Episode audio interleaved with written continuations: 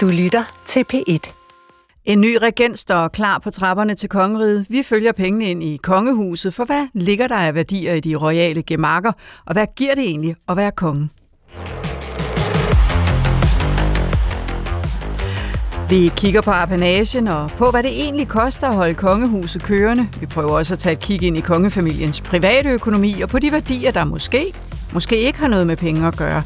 Det bliver dog ikke kongens kroner det hele. Vi skal jo også en tur på verdenshavene og se nærmere på, hvad den seneste tids angreb på fragtskibe lige midt i en af verdens allermest trafikerede fragtruter egentlig betyder.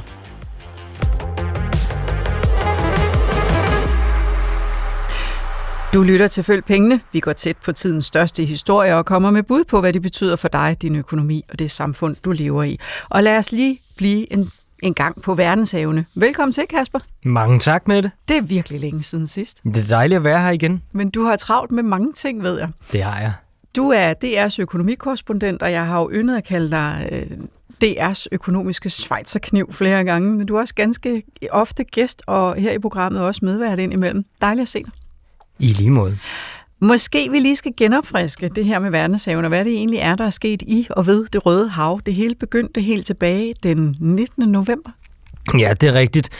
Øh, hele Mellemøsten som region er, som de fleste ved, øh, jo nok plaget af voldsomme spændinger efter øh, øh, Israels øh, krig mod Hamas i Gazastriben er indledt. Altså det hele ryster lidt dernede, øh, og det ryster også i det Røde Hav, fordi man i, i Yemen har en meget stor oprørsgruppe, der hedder Houthierne, som, øh, som har sat sig for at ville støtte, støtte Hamas i den her konflikt. Og, og en af de ting, de, de har erklæret vil gøre, os begyndt at gøre, det er simpelthen at skyde på skibe, øh, eller, eller angribe skibe i det Røde Hav, der sejler igennem det lille stræde, der er mellem det Røde Hav og Adenbugten. Altså det er sådan en 20-30 km bredt, og der sejler enormt meget af verdens fragt øh, igennem, og der så vi det første eksempel på det. De havde troet lidt med det, de havde øh, sådan, sådan sagt, at de ville gøre det, og forsøgt at gøre det lidt, men den 19. november, som du siger med det, altså der kommer et skib, Galaxy Leader, sådan et stort feederskib sejlende ned igennem. Et feederskib? Ja, som et, lad os bare kalde det et fragtskib, ikke? for de er uindvidet meget stort fragtskib,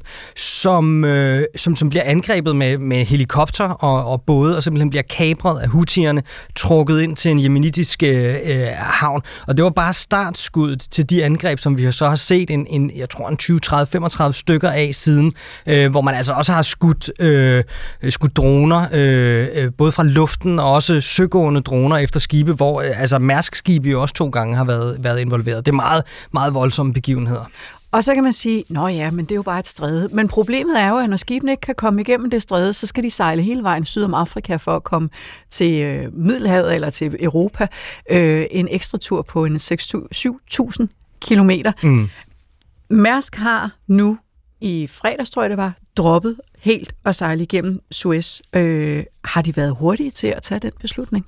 Ah, de har måske vaklet lidt i den beslutning, for, fordi det altså allerede der i midten af november stod det klart, at det her det er et farligt farvand at sejle i. Øh, uh, Houthierne har sagt, at hvis du har en eller anden slags forbindelse til Israel, så kommer vi efter dig, så er du i risikozonen her. Resten kan sejle frit videre. Og det kræver altså ikke andet, end at man engang imellem lø- en anløber en israelsk havn, sådan som det ser ud øh, øh lige nu. Øh, den 15. december blev det første, jeg tror 14. 15. december blev det første Mærsk-skib, Mærsk Gibraltar angrebet. Øh, og, og Mærsk besluttede sig der at indstille trafikken, vil lige se tiden an, øh, hvad skal vi egentlig gøre det. Man genoptager det så mellem jul og nytår, men der går altså kun et par dage, før det bliver nytårsaftensdag. Øh, et Mærsk-skib bliver ramt af det, som øh, den amerikanske forsvarskommando siger er et missil. Vi taler et meget stort containerskib her. Øh, angrebet af fire øh, små hurtiggående både. Der er ildkamp mellem vagter på Mærsk-skibet og, og folk i, øh, i bådene. Øh, tre amerikanske militærhelikoptere kommer til, sænker øh, tre af de angribende både, 10 mand øh, øh, omkommer, en båd øh, stikker af, og, og Mærsk-skibet øh, er i god behold, besætningen er, er uskat, og det er stadig sødygtigt, øh, og det, det, nu på, det ligger nu i det røde hav, og skal så ikke mm. igennem det stræde længere.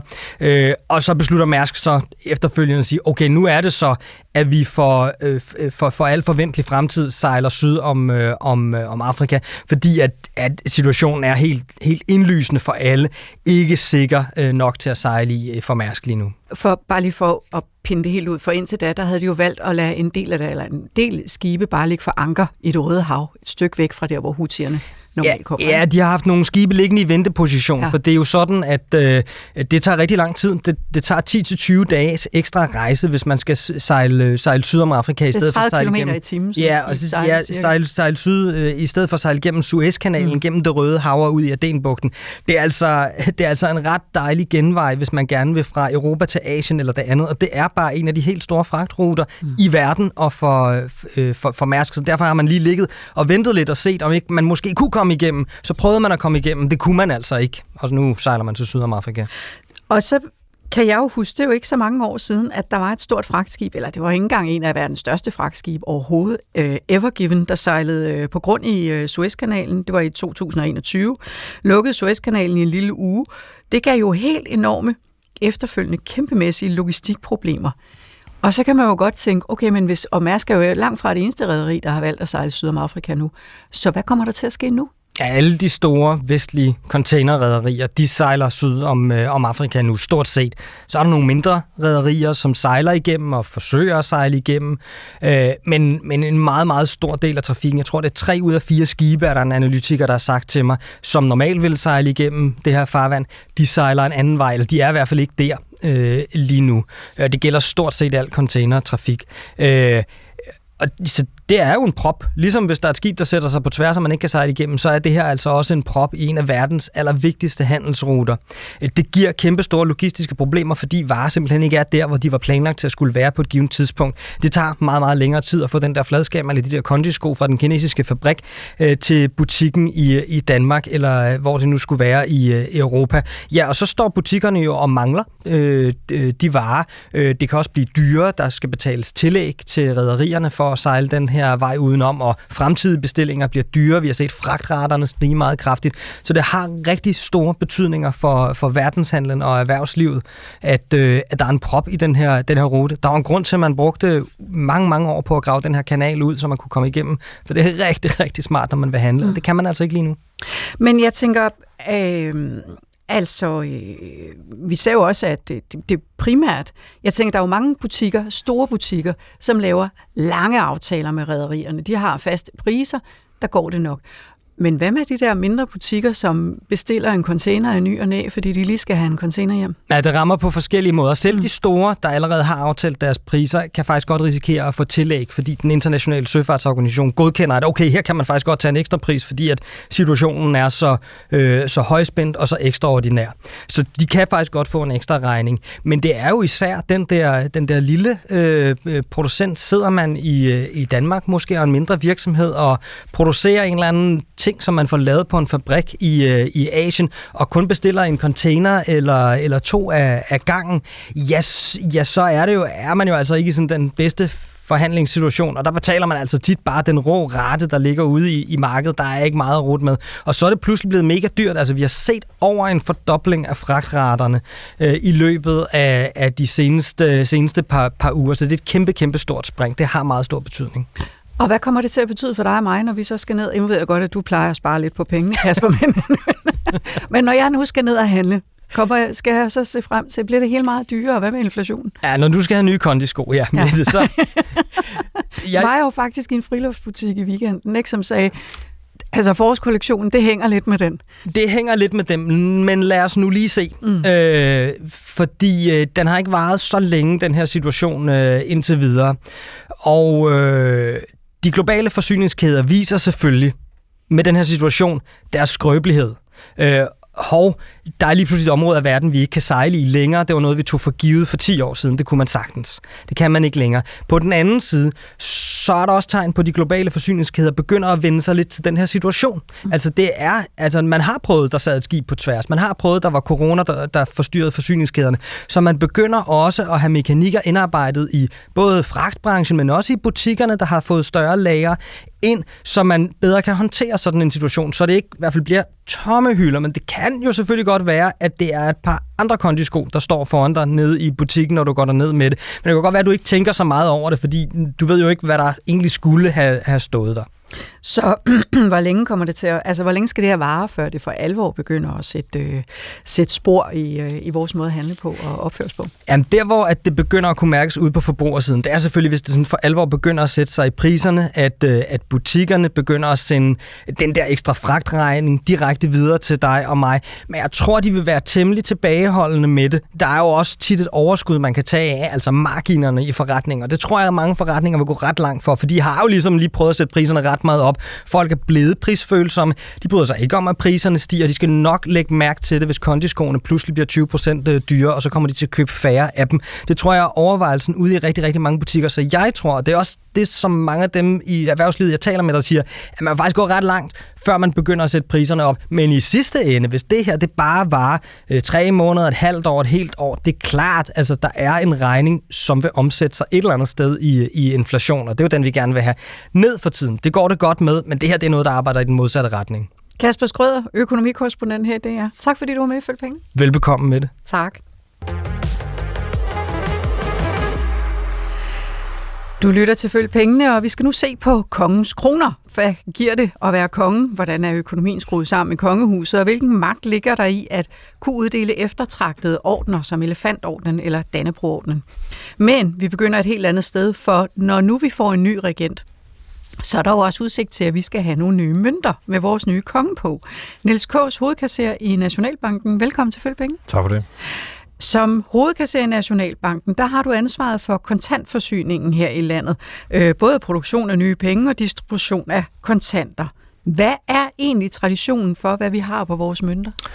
Jamen, der er en del forskellige traditioner, når det kommer til vores øh, mønter over. Øh, i, I den periode, der er blevet produceret mønter, har det også øh, varieret en del, både hvad det er for nogle mønter, selvfølgelig altså værdien af dem, øh, materialevalg, men den helt overvejende tradition, der går i, igen øh, og har gjort det faktisk siden 995, da Svend Tviskæg var den første regent, der, der fik sit øh, navn på en, øh, på en dansk mønt, der har der været den her sammenhæng mellem det, man kan betegne som kongemagten og så mønterne i, øh, i Danmark.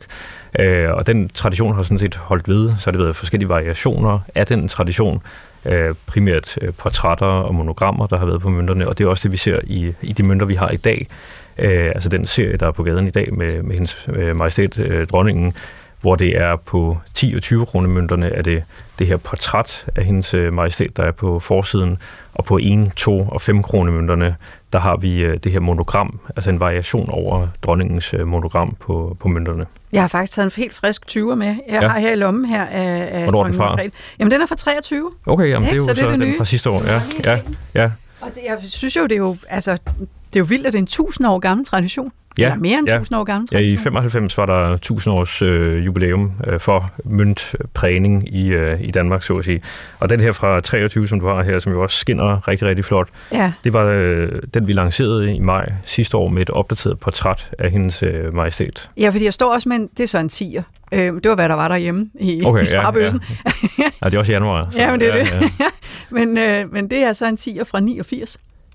Der ser Margrethe jo noget yngre ud. Ja, ja. og der er også en, øh, en tradition for, hvad skal vi sige, med jævne mellemrum, at vi går ind og opdaterer udseendet på øh, mønterne. Og det var det, der også lidt frem til, at vi kunne lancere en, en opdateret mønt her øh, sidste år, øh, at der fra Nationalbankens side, vi forholder os løbende til de kontanter, der er i omløb, altså om det er sedler eller mønter, hvordan øh, de er, og ikke mindst hvordan de ser ud. Mm. Øh, og der blev så også øh, truffet en beslutning om at i gang sætte arbejdet med at opdatere det her øh, portræt her. Og det sker selvfølgelig i meget tæt samarbejde med øh, kongehuset og hendes majestæt. Men nu bliver jeg jo sådan set lidt overhalet, fordi vi står og skal have en ny regent, kong Frederik den 10. om en uge. Mm. Skal vi så også have nye mønter igen? Altså det, vi starter en dialog med kongehuset, øh, og vi har et tæt samarbejde løbende med kongehuset om øh, mønterne. Øh, det er helt naturligt i og med, det er som regel øh, den siddende regent, der er på mønterne, øh, og derfor er det helt naturligt selvfølgelig at have en, have en tæt dialog med øh, den pågældende regent om, hvordan mønterne øh, ser ud. Og der forventer vi selvfølgelig også, at øh, fremadrettet ved det, det, at vi har et troneskifte her på, på søndag, det vil påvirke den, den møntserie, vi, øh, vi har. Men det er en dialog, vi tager med, med kongehuset øh, fra, ja, fra næste uge, når vi har en, øh, en ny konge. Og nu er der jo blevet talt rigtig meget om, hvor længe at, øh, at øh, dronning Margrethe egentlig har, har gået og overvejet, at øh, hun ville abdicere. Hvornår begyndte I egentlig at tale med hende om øh, den, mønt, den opdatering af mønten der i, øh, der kom ud i maj 23? Jamen det, det skete, altså det, det tager fra det tidspunkt, at der bliver truffet en beslutning om at i gang sætte det projekt til, at de at mønterne endeligt er på gaden. Der kan godt gå et, øh, sikkert et halvandet år, øh, hvis ikke lidt mere. Øh, og det skyldes simpelthen, at det er en proces, hvor Ja, først skal vi helt øh, praktisk have, have taget et, et nyt portrætbillede, altså et fotografi af øh, hendes majestæt øh, op til den her 2023 mønt. Så skal det øh, formes til en voksafstøbning, øh, og så fra det laver man så nogle tekniske afstøbninger, som vi så får sendt til vores møntproducent. Øh, vores møntproducent er øh, PT øh, Mindre Finland, øh, altså så de er lidt uden for Helsinki, at vores, ja. øh, vores mønter bliver, bliver præget, som det hedder.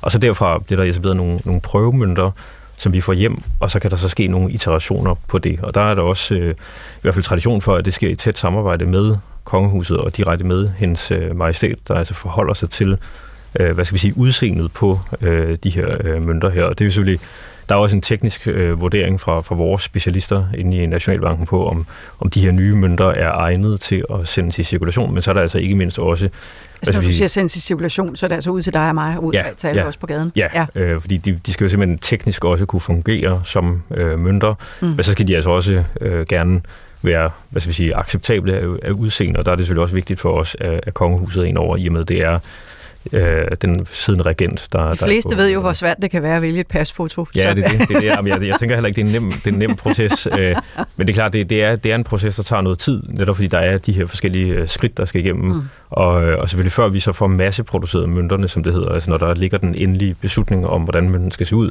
så går der også noget tid, for det er også en, en produktionsproces, der så starter, og så skal det fysisk hjem til os, og så skal vi så kunne, kunne sende det på gaden. Og hvis nu øh, du derude øh, lytter, øh, er så heldig, at du sidder med en 20'er eller en, øh, en 10'er nærheden, ligesom jeg lige havde i lommen, så kan du faktisk selv se, på den ene side øh, er der det her portræt af regenten, og nu skal vi øh, møde den billedhugger, som skabte den seneste opdatering af dronningens portræt på vores mønter. Jeg hedder Eva Hjort, og jeg er billedhugger. Øh, jeg er uddannet fra øh, det Kongelige Danske Kunstakademi, Billedhuggerskolen, og så har jeg en overbygning på det, der hed øh, Figurhuggerskolen, som var en helt særlig uddannelse, hvor man kunne blive restaureringsbilledhugger. Og Eva, vil du ikke bare lige prøve at, at starte med at fortælle, hvor er det, vi er henne lige nu? Jo, vi er på øh, Slots- og Kulturstyrelsens billedhuggerværksted ude på øh, Gammel Dok på Christianshavn, hvor vi står i nogle gamle, store, flotte lokaler og øh, rekonstruerer figurer til Frederiksborg Slot.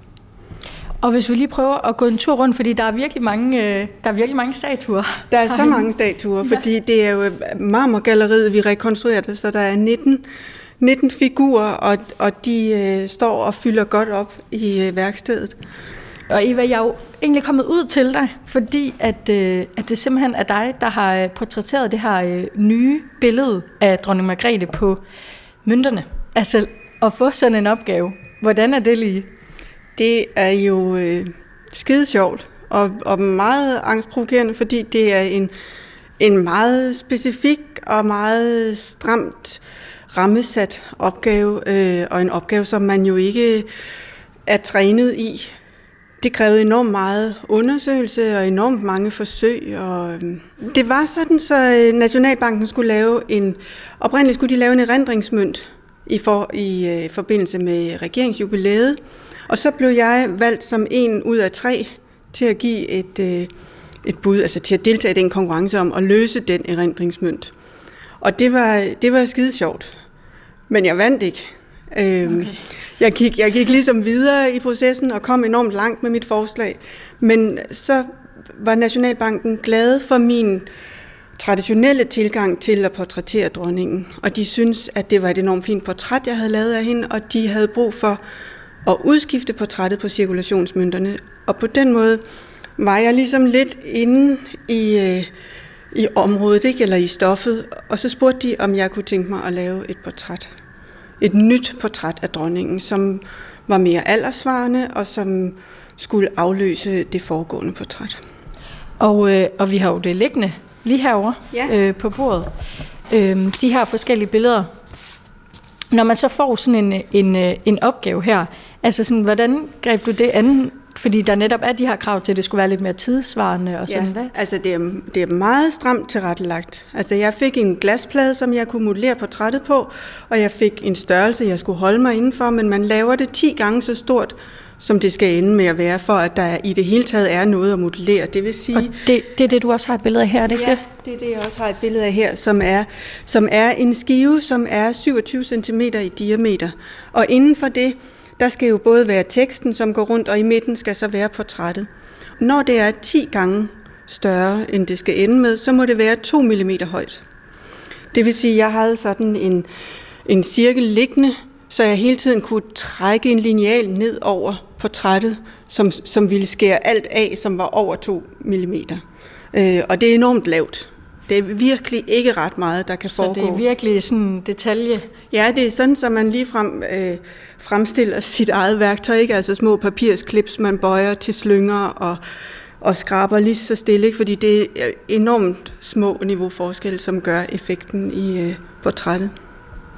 Og man kan jo se her, altså det er jo, det er jo virkelig øh, et fint billede. Altså sådan, hvor, hvorfor blev det lige sådan her? Hvordan? Ja, men altså det blev sådan, altså der er jo nogle regler, ikke? Altså hun skal kigge mod højre, hun skal kigge lige ud, øhm, og hun skal være fuldstændig i profil. Så er det sådan, at der bliver taget nogle billeder, hvor, hvor øh, dronningen selv har valgt, hvad hun har på af smykker og tøj og sådan. Så bliver der fotograferet. Og så skal man jo, så skal man jo sortere i alt, hvad der er i fotografiet, ikke? Og ligesom vælge en stilart, man vil modellere det i, og man skal vælge nogle træk, man vil fremhæve. Og, øhm, Og hvad har du valgt der? Altså, Jamen her har jeg, jeg har for eksempel det, som jeg gjorde, fordi der er så lidt snor i opgaven, så bliver det enormt sjovt og udfordrende at finde ud af, hvor kan man lige lægge et særpræg ind. Og der har jeg for eksempel arbejdet med, med øh, reliefets plan eller niveau, altså sådan, så hun ligesom fra, fra sit, sit baghoved, altså fra frisyren, så stiger hun ligesom op ja, af mønten. det er som om, sådan- hun er lidt tydeligere ude ja, i ansigtet. Så, så profilen er trukket så langt op, den overhovedet kunne, så det ligesom bliver det tydeligt. Så har jeg også gjort det, at jeg har fremhævet to af perlerne i diademet, og den ene og øreringsperleringen. Og så har jeg lagt vægt på at, øh, at tage meget af, mange af alderdomstegnene med. Fordi jeg synes, det var vigtigt, at man kunne se, at hun var en aldrende dronning på det tidspunkt. Da du så selv så den, sådan her, på mønten første gang, Ja. var du så tilfreds? Det, jeg, jeg var da tilfreds, jeg var da stolt over at have lavet det, men det, jeg var også øh, nervøs over det, fordi så nu ligger den jo der i metal for tid og evighed. Jeg synes, at det er blevet et rigtig flot portræt af dronningen, og, øh, og viser hende elegant og i den alder, hun nu havde til sidst i sin regeringsperiode. Og der er jo også noget enormt sjovt ved at have lavet den sidste cirkulationsmønt. Ja, det var vores øh, tilrettelægger Louise Ravndal, der havde besøgt Eva Hjort. Og hvis du synes, det susede lidt for ørerne under det her indslag, så var det, fordi det blæste ganske meget den dag, at Louise Ravndal besøgte Eva Hjort, og at det altså susede en del i vinduerne. Men øh, som vi kan høre, så er det jo ikke sådan lige at lave øh, portrættet til en mønt. Hvor lang tid går der så egentlig, før at den nye mønt bliver den dominerende, dominerende mønt ude i lommerne på folk? Ja, altså der, der, det afhænger faktisk af, hvor meget vi bruger mønter. Øh, Det gør vi jo ikke så meget mere. Øh, Det har vi jo lige det- været ude det-.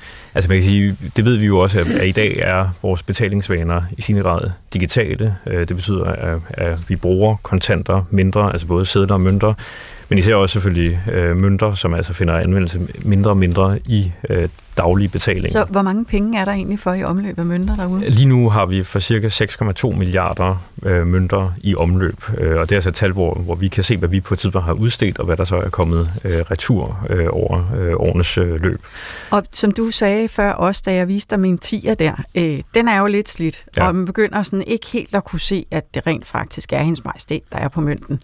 Eller, Ah, man kan godt man se kan det. godt se, Ja, jo, men, ja, men ja. hun er, står ikke så klart og tydeligt, som nej. hun gør på den nye 20'er. Hvad sker der egentlig med de gamle mønter? Jamen, altså, øh, man kan sige, nu netop i lyset af, at der, vi bruger kontanter mindre, så, så sker der to ting. Der efterspørges øh, færre mønter, men så bruges de jo også mindre derude, og det vil sige, de øh, får mindre slid, så at sige, og så kan de altså også recirkulere i længere tid. Men når de så når det stadie, hvor de er så, så slidt, at de, øh, de ikke længere kan øh, cirkuleres derude, så ryger de ind til Nationalbanken, og så frasorterer vi dem og, og destruerer dem, og så kan vi så sende nye mønter øh, på gaden øh, derfra. Og hvad koster det at lave sådan en mønt? Ja, altså vi får dem produceret hos en, øh, hos en professionel møntproducent, så de eksakte listepriser eller enhedspriser er, holder vi lidt øh, for os selv.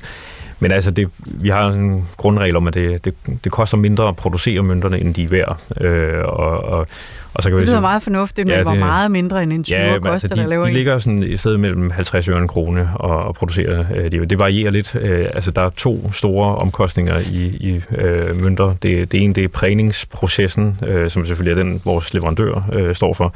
Og så er der metalpriserne, øh, fordi det er jo nogle forskellige metallegeringer, der går ind i de her mønter her, øh, og det kan variere en, en del. Øh, der har vi jo for eksempel over de seneste år set en, en stigning i metalpriserne, som så også har gjort, at, at enhedspriserne har været højere, end vi har set øh, tidligere. Kan I så godt finde på at vente lidt med at lave en produktion, fordi der er, der er jo alligevel en del mønter på hylderne. Ja, altså det, det er klart, vi, vi kigger, vi, vi er gode til at være fremadskuende, som vi siger i Nationalbanken, og, og, og holde øje med, hvordan, hvordan er brugen af kontanter, øh, og, og baseret på det forecast hvornår løber vi så tør for kontanter. Det, det, det gør vi ikke, men, men det er så netop det, vi, vi så øh, det lover forsøger. Du. Ja, ja det, det, det, er det, er ret, det er ret sikker på. Det er ret sikker på. Ja, ja.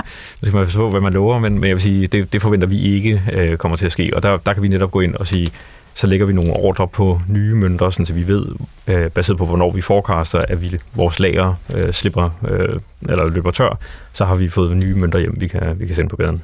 Niels Kås, hovedkasser i Nationalbanken. Tak fordi du var med her i Følg Pengene i dag. Velkommen. Og du får lige dine mønter tilbage her. Ja, ved du, det var venligt af dig, ja, fordi ja. det er jo januar. Ja, ja. Det er ikke noget, jeg tager med. Ja. Du lytter til Følg Pengene, og vi skal nu se på kongens kroner. Hvad giver det at være konge? Hvordan er økonomien skruet sammen i kongehuset, og hvilken magt ligger der i at kunne uddele eftertragtede ordner, som for eksempel Elefantordnen eller Dannebrogordnen? Og med til at hjælpe mig med det har vi dig, Christoffer Hormann Ellerskov, associeret professor ved CBS og forsker i og kortlægger af elitens forskellige netværk. Velkommen til Følg Pengene. Tusind tak. Altså, jeg kunne godt tænke mig at starte med at spørge dig, når nu du sidder og kortlægger de her forskellige netværk, hvor befinder kongefamilien sig egentlig henne i, øh, i elitens netværk i Danmark? Når vi kortlægger elitens netværk i Danmark, så, så kan man sige, så starter vi bredt med mere end øh, om, ja, 40.000 mennesker, mere end 5.000 forskellige fora, hvor man kan mødes i. Øh, og når vi så ind i det netværk, kan vi så finde en kerne på cirka 400 mennesker. Og der befinder ikke bare øh, kongefamilien sig, men sådan set også øh, nogle nøglepersoner ved hoffet, såsom hofmarskallen. Øh, inde i det netværk, altså den her meget eksklusive gruppe på, på cirka 400 mennesker, der er de lidt ude i periferien, sådan et hjørne midt imellem de mest traditionelle eller etablerede dele af dansk erhvervsliv, og så øh, regeringen og, øh, og topembedsmændene. Vi skal også sige velkommen til Sebastian Olden Jørgensen, lektor ved Saxo Instituttet ved Københavns Universitet. Velkommen til programmet. Ja, mange tak. Og du er med på en linje, skal jeg lige huske at sige. Man tænker jo lidt, at kongehuset er kongehuset, men hvad betyder det egentlig, at vi får en ny regent, kong Frederik den 10. i stedet for dronning Margrethe den anden? Ja, vi får en ny øh, stil, må vi regne med. Øh, vi får en anledning til at øh, justere øh, kongehuset.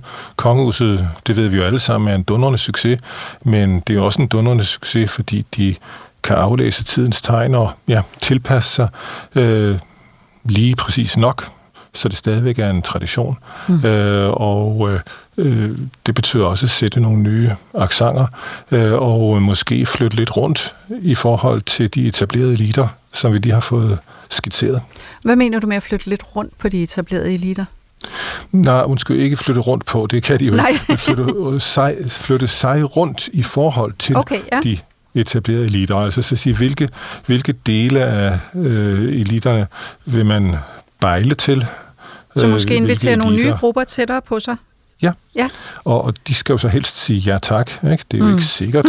øh, kan sige, kongehuset har jo i mange, mange år forsøgt at få øh, dele af øh, kultureliten indenfor i varmen, og, og ja, med nogen med, med større succes øh, i forhold til nogle dele end, end i forhold til andre. Øh, men altså repositionere sig selv i forhold til eliterne, som sagt, som du nævnte, invitere nogle nye ind, øh, måske lægge lidt mere afstand til nogen, der er blevet en belastning. Vi skal jo se på økonomien i kongehuset, og i den forbindelse havde jeg besøg af Se og Hør journalist Jan Kørner forleden. Han har tidligere også dækket øh, kongehuset for Ekstrabladet, og gennem flere årtier forsøgt at belyse, hvad kongehuset egentlig koster i kroner og øre om året. Jeg synes ikke, at det er en specielt gennemsigtig økonomi, vi har omkring kongehuset, fordi det eneste, vi dybest set får at vide, det er, at det koster apanagen, som er lidt over 100 millioner om året, og det er det eneste. Men i virkeligheden, så er der jo en masse udgifter, som er skjult i de offentlige budgetter, såsom forsvaret, det kan være øh, istandsættelse af kongeskibet, det kan være PET, øh, beskyttelse af dem, øh, alle mulige ting, som, som ikke fremgår af de officielle regnskaber. Dem har jeg jo brugt rigtig, rigtig mange år på at få frem i lyset ved at søge agtindsigt i ministerier og styrelser. Alle steder simpelthen gå det hele igennem. Og så viser det sig, at det koster omkring en halv milliard om året, når du tager det hele med. Sebastian Olden Jørgensen, kongehuset koster en halv milliard kroner om året, hører vi her, og altså ikke de lidt over 100 millioner kroner, som fremgår af kongehusets årsrapport. Er du, er du enig i den, øh, altså i, de i det tal her? Det, er cirka, det ligger det omkring en halv milliard?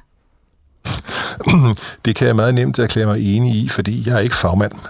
jeg er ikke økonomisk historiker, øh, og jeg er ikke økonom. Øh, det, det lyder da meget rimeligt, men hvis vi skal have øh, et kvalificeret bud, øh, så skal man jo pusse en professionel på det, og vi har sundhedsøkonomer, professorer i sundhedsøkonomi på flere universiteter, og der er lærerstol i offentlig økonomi. Øh, selvfølgelig findes der også fagfolk, øh, og de kan da øh, kastes over det her, hvis de vil. Mm. Men øh, jeg synes også, man bør øh, være opmærksom på, at øh, man kan jo ikke bare bede om et tal og få det. Øh, regnskaberne skal også tilrettelægges, sådan så de egner sig til at give de tal.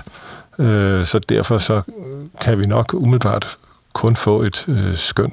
Mm. Øhm, men det virkelig interessante, det er jo ikke, om det er en halv milliard, eller lidt mindre, eller lidt mere. Øh, det er, om man synes, at det er pengene værd, og så skal man jo gøre sig klart, hvad det er, man får ud af kongehuset, hvad man får ud af at have et statsoverhoved, og hvad man og, jo skulle gøre, hvis man ikke havde et. Og det vil vi gerne tale om lidt senere i programmet, men først så vil jeg gerne høre dig, Christoffer Ellerskov. Hvad tænker du om, at det er så uklart, hvad vi overhovedet bruger på at have et kongehus?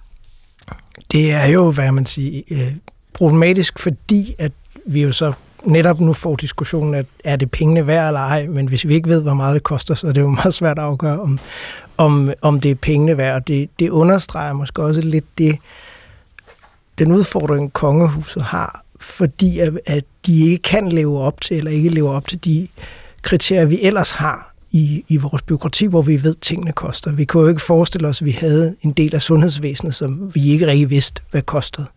Øh, så, så, så på den måde forventer vi jo ellers, at i vores, i vores byråkrati og i vores debat om forskellige samfundssituationer, at vi ved, hvad udgifterne til det er.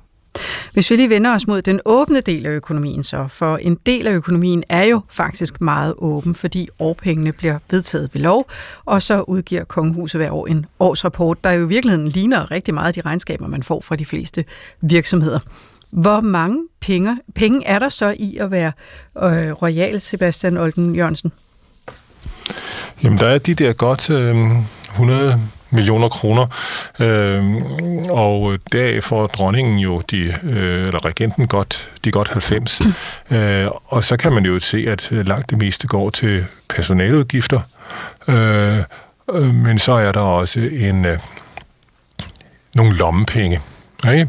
Ja. Øh, og øh, øh, det er som sagt, jeg er ikke økonom, så jeg, det bliver jo nogle husholdnings øh, øh, betragtninger, jeg kan komme med. Men øh, når nu altså op mod ikke helt, men altså op mod tre fjerdedel af det er øh, personalomkostninger, øh, så siger det også sig selv, at øh, rigtig meget vedligeholdelse ligger et helt andet sted, mm. øh, når jeg tænker på de kongelige slotte.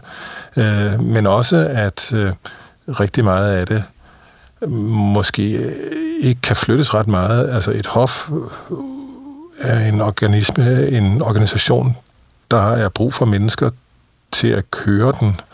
Nogle gange rent fysisk køre bilen, andre gange administrativt.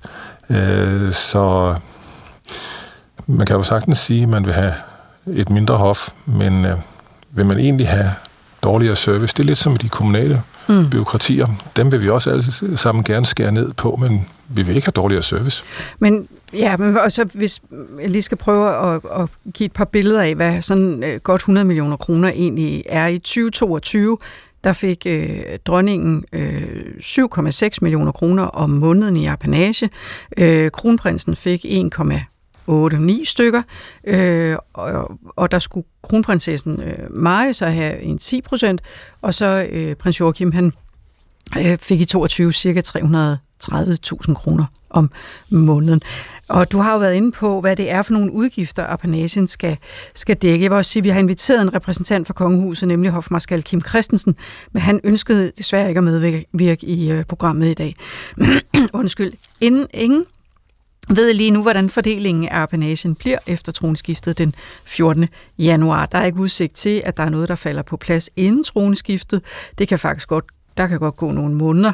Det gjorde der for eksempel, da dronningen i januar 72 blev regent efter sin far. Her blev loven om årpenge først vedtaget i slutningen af april, øh, dog med tilbagevirkende kraft. Sebastian Olden Jørgensen, nu får du et lidt utaknemmeligt spørgsmål, men har du et bud på, hvordan fordelingen af apanasien bliver fremad? Jeg tror, at de øh, groft sagt øh, bytter om, sådan så øh, det nye kongepar får øh, dronning Margrethes apanage og vice versa. Men øh, der bliver selvfølgelig en overgangsperiode, øh, og øh, øh, det kan jo godt være, at der er nogle af hendes gamle folk, som hun får lov til at beholde om sig, så hun har lidt mere, end man øh, egentlig øh, skulle sige, hvad vi vil svare til hendes rang som pensionist. Øh, men øh, jeg tror, de regulerer det her øh, pragmatisk. Som sagt, der er mange menneskelige hensyn. Altså når der er så meget af det, der er personaleomkostninger, så er der også rigtig meget af det, der er personale politik. En ting er kongehusets økonomi, men familien har jo også en øh, privat økonomi, og det vil jeg gerne høre, øh, Jan Kørner har noget at sige om det også. Hvis man kigger på kongehus, hvad ejer de egentlig? Jamen, altså, de er ejendom, der ejer de tre. De har tre ejendomme. De har deres øh, vinslot i Frankrig, så har de Marcellesborg i Aarhus, og de har jagthytten Tran i Nordjylland. Øh, og de to sidstnævnte, det er så hvad hedder det, folkegaver, som er givet til, til kongehuset af borgerne. Men det er det eneste, de ejer. Så har de jo tre andre slotte, som, som øh, det danske folk ejer. Og det er Malienborg, det er Fredensborg, og det er Gråsten Slot som, som de så har brugsret over. Ikke? Ja. Så har de også nogle særlige fordele. De er momsfritaget. Det er de, ja. Hvad, hvad betyder det egentlig? Jamen, det betyder, at når de går ned og køber en bakke leverpostej, der koster øh, 10 kroner, så får de 2,5 øh, kroner refunderet den danske stat, som er momsen på den vare. Så for dem koster øh, leverpostejen kun 7,5 kroner, hvor den koster 10 kroner for os andre. Og så er de fritaget for stort set alle afgifter. Det eneste, de betaler, det er gave- og arveafgift og ejendomsskatter. Når man så ser i, øh, i årsregnskabet, så kan man jo så faktisk se, hvor mange penge de har fået i momsrefusion, det som kan du man taler om. Ja.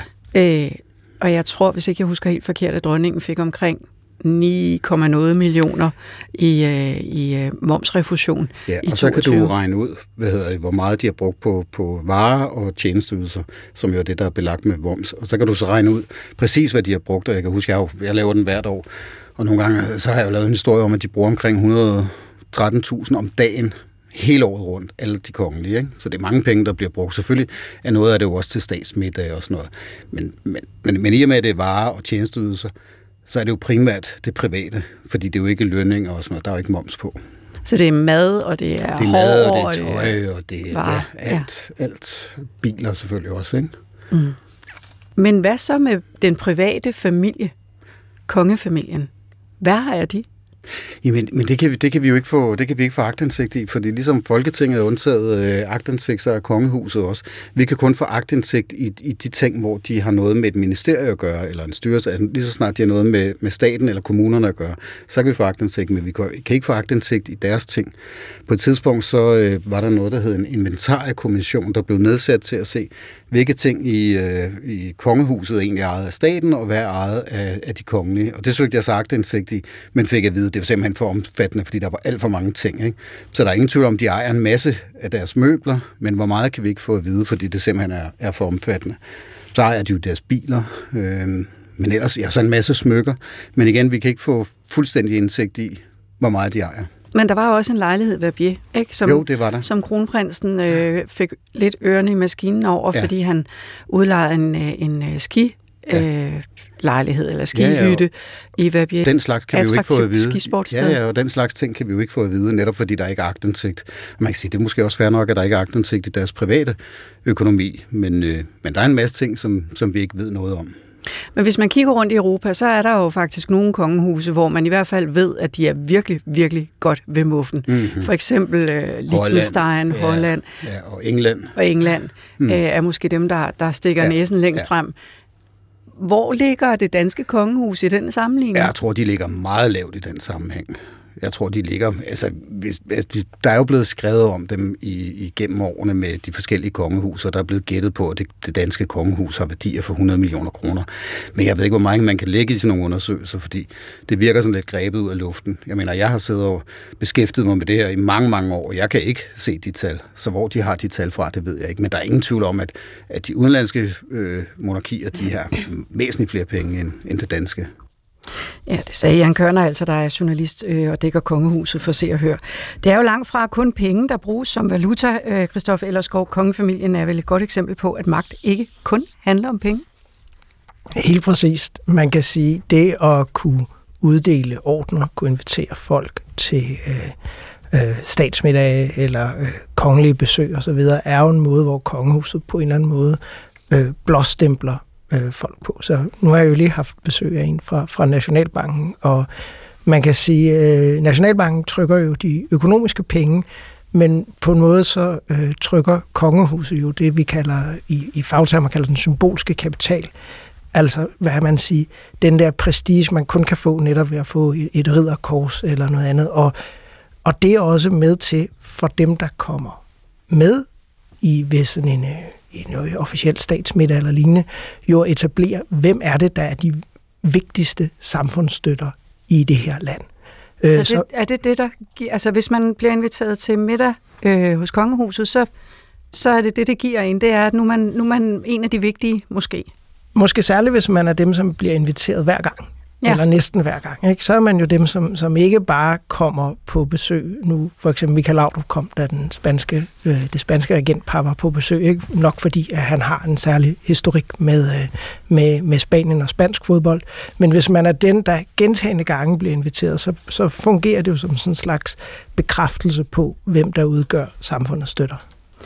Og hvad betyder det?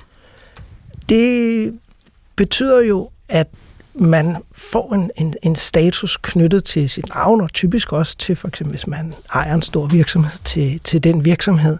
Øh, og det er jo også en, en, en form for symbolsk kredit, som vi kan se igen og igen, kan være noget, som kan gøre, at man i virkeligheden kan, om man så må sige, det er også det, der nogle gange kan give nogle udfordringer i forhold til, hvis der så går noget galt i den virksomhed, fordi man typisk har en tendens til netop at stole på dem, der ligesom er blevet en del af det her establishment.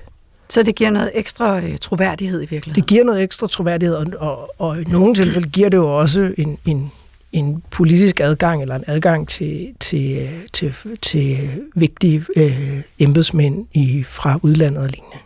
Vi skal videre og tale om, hvad det egentlig så er, vi får for pengene, fordi det skal vi jo også. Men inden vi gør det, så skal jeg lige sige tusind tak til dig, Sebastian Olden Jørgensen, for at være med her i Følg Pengene. Jamen, det var så lidt. Du lytter til Følg Pengene. Vi kigger på kongens kroner i dagens program, og vi er kommet til, hvilken rolle kongehuset egentlig spiller for dansk erhvervsliv. Vis mig, hvem dine venner er, så skal jeg fortælle dig, hvem du er. Sådan lyder der et ordsprog i hvert fald. Men hvad betyder det at være venner med, med kongefamilien?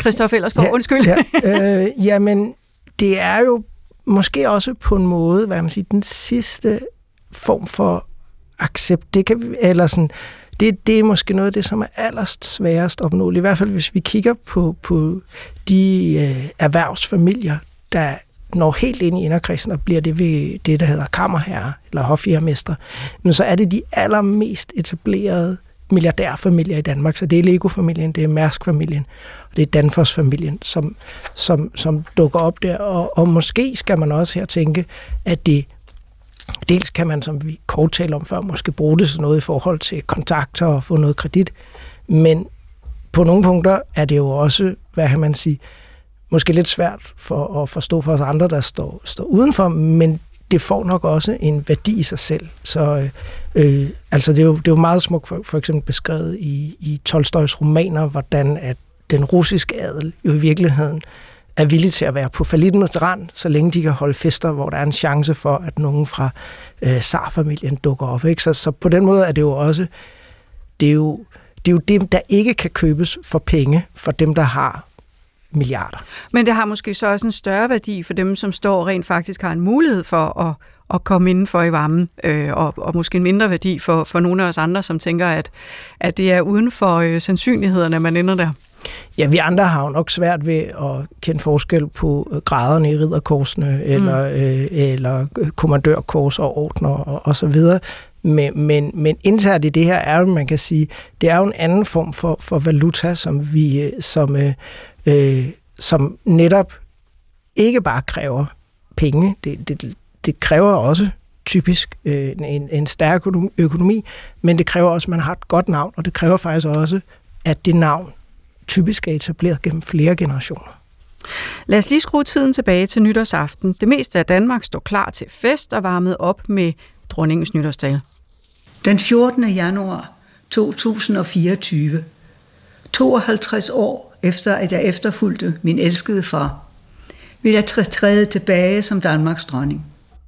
Det var jo noget af en overraskelse for de fleste, og også for dig, Thomas Bustrup, viceadministrerende direktør i interesseorganisationen Dansk Industri. Velkommen til. Tak skal du have. Du har stået og været helt stille længe nu. Jeg har lyttet Ja. Hvad tænkte du, da du hørte den tale? Og jeg var overrasket. Øh, selvfølgelig øh, tror jeg alle sammen, vi har gjort os tanker om, at det, det kunne ske, at, øh, at øh, dronningen øh, abdicerede, øh, mens hun stadig ikke var i live. Men øh, jeg var da helt klart øh, Hun har jo altid afvist det pure. Ja, det, det tror jeg også, man skal gøre. Sådan noget skal man nok ikke øh, øh, sige, før man rent faktisk gør det. Mm.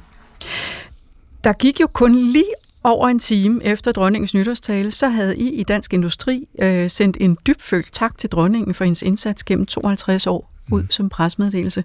Hvad er det egentlig, hun har gjort for jer i Dansk Industri, som I finder anledning øh, til at, at takke for? Jamen ligesom for, for mange af os personligt, så, så for erhvervslivet har hun jo også været den gennemgående figur. Øh, øh, hun har været øh, dronning øh, for mange af os altid, og sådan har det også været i, øh, i erhvervslivet.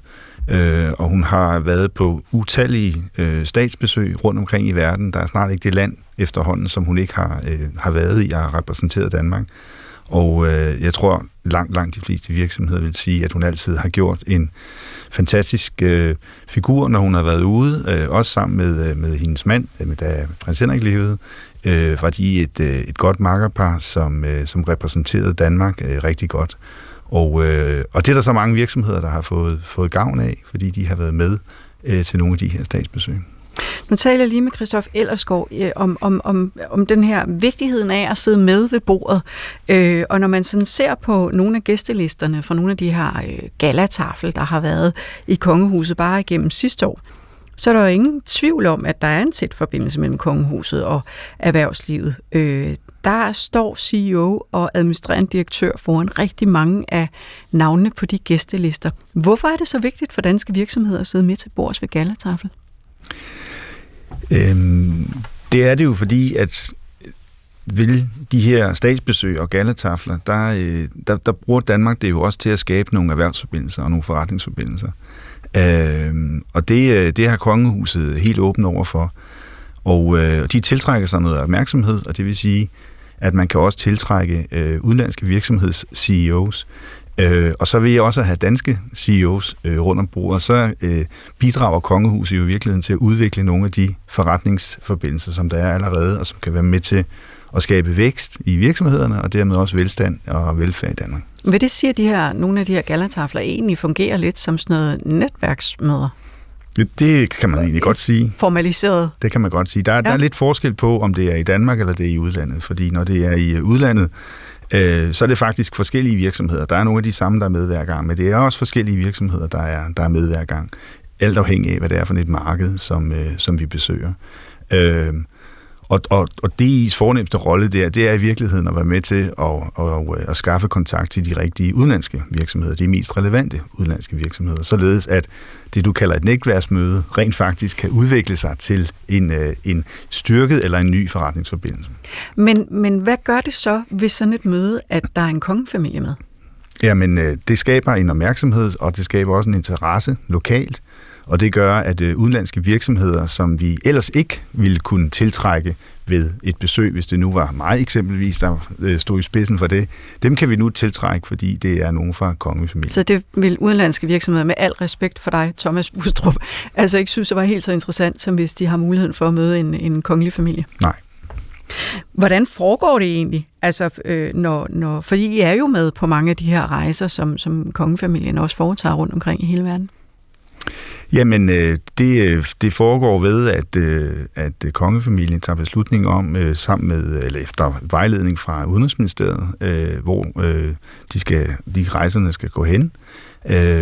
og, og så er det typisk Udenrigsministeriet og, og Dansk Industri, og nogle gange også nogle andre organisationer, der går ind og planlægger sammen med Udenrigsministeriet at erhvervsdelen af sådan et besøg. Fordi når de er ude at rejse, er der selvfølgelig også andre aspekter mm. end, end erhvervsdelen. Så der er sådan forskellige opgaver, man ja. kan ende med. Ja. Og øh, vi talte sammen i telefon forleden dag, og så fortalte du, at, øh, at du især er meget begejstret for kronprinsens evner til at skabe relationer. Hvad er det, han kan?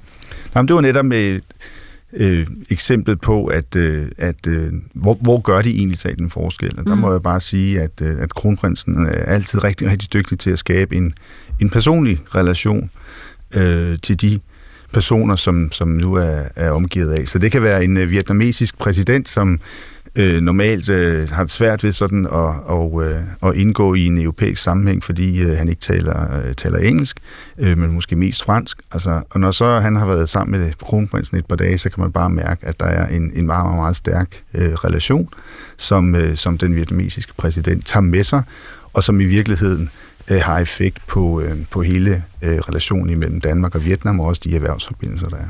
Så er det nemmere for virksomhed til at skrive under på aftaler, når, når øh, den, ja, det er jo så kong Frederik den 10. lige om lidt, har været forbi øh, i sådan et udlandsbesøg? Det er i hvert fald altid noget, som, som skubber tingene fremad. Øh, med sådan nogle aftaler øh, er typisk noget, der tager øh, nogle år. Men det er klart, hvis der så er en begivenhed, øh, hvor øh, eksempelvis øh, kronprinsparet er til stede i øh, Argentina eller i øh, Holland, øh, så kan der være nogle, nogle, øh, nogle udviklinger i, øh, i de her forbindelser, som gør at sige, okay, nu, nu speeder vi op på det her, nu laver vi den her aftale, eller nu laver vi den her investering, fordi at så kan man øh, gøre det og få noget, øh, noget publicity, fordi det bliver det sker i forbindelse med et, øh, et øh, kronprinspar besøg. Er det så hans mor eller, eller øh, altså er det sin mor eller far, øh, kronprins Frederik ligner? Uh, jeg tror, han øh, har en meget god kombination. øh, men det er rigtigt. Øh, øh, prins øh, Henrik havde jo øh, en, en ret markant rolle, øh, da han levede i forbindelse med erhvervsdelen øh, af, af, af statsbesøg. Og, øh, og øh, han var også dygtig øh, til at, øh, at skabe de her øh, personlige relationer øh, ret hurtigt. Altså når man sidder rundt om et middagsbord et par timer, altså rent faktisk, at de personer, man sidder rundt om, føler ikke bare, at de har siddet ved siden af en, en, en kronprins eller en, en prins, men rent faktisk også en person, som de godt kunne lide. Men jeg kan ikke lade med at spørge dig, fordi når man sådan kigger rundt i verden, så er nogle af verdens førende økonomiske magter, de har jo hverken konge eller dronning eller kejser eller noget som helst. Altså, kunne man egentlig ikke godt klare sig uden? Jo, det, det kunne man godt. Øh, men øh, men øh, nu, vi har et, øh, et monarki, og, øh, og vi har nogle rigtig, rigtig dygtige øh, royale personer, øh, så, så erhvervslivet er glad for, at, øh, at vi har det, som vi har det. Men selvfølgelig vil man kunne undvære det. Øh, der er jo også andre lande, der har præsidenter, som nærmest har sådan lignende øh, status. Du nævnte Macron, øh, Macron fra, fra, fra Frankrig. Frankrig. Der tror jeg, mange, der ikke lige kan skille, om han egentlig er præsident Kongen eller monark. øh, og øh, selvfølgelig også Kina og Øh, ikke mindst USA har du selvfølgelig også en meget øh, markant øh, præsidentrolle. Øh, vi løb tørt for tid, så jeg vil sige tak, fordi I var med her i Følg Pengene. Thomas Bustrup, viceadministrerende direktør i Interesseorganisationen Dansk Industri, og Christoffer Hormann Ellerskov, associeret professor fra CBS. Steffen Klint stod for teknikken, og dagens program blev tilrettelagt af Louise Ravndal og mig selv. Jeg hedder Mette Simonsen. Programmet er tilbage næste uge, samme tid og sted, men du kan selvfølgelig også finde os på det her lyd. Gå på opdagelse i alle DR's podcast og radioprogrammer. I appen DR Lyd.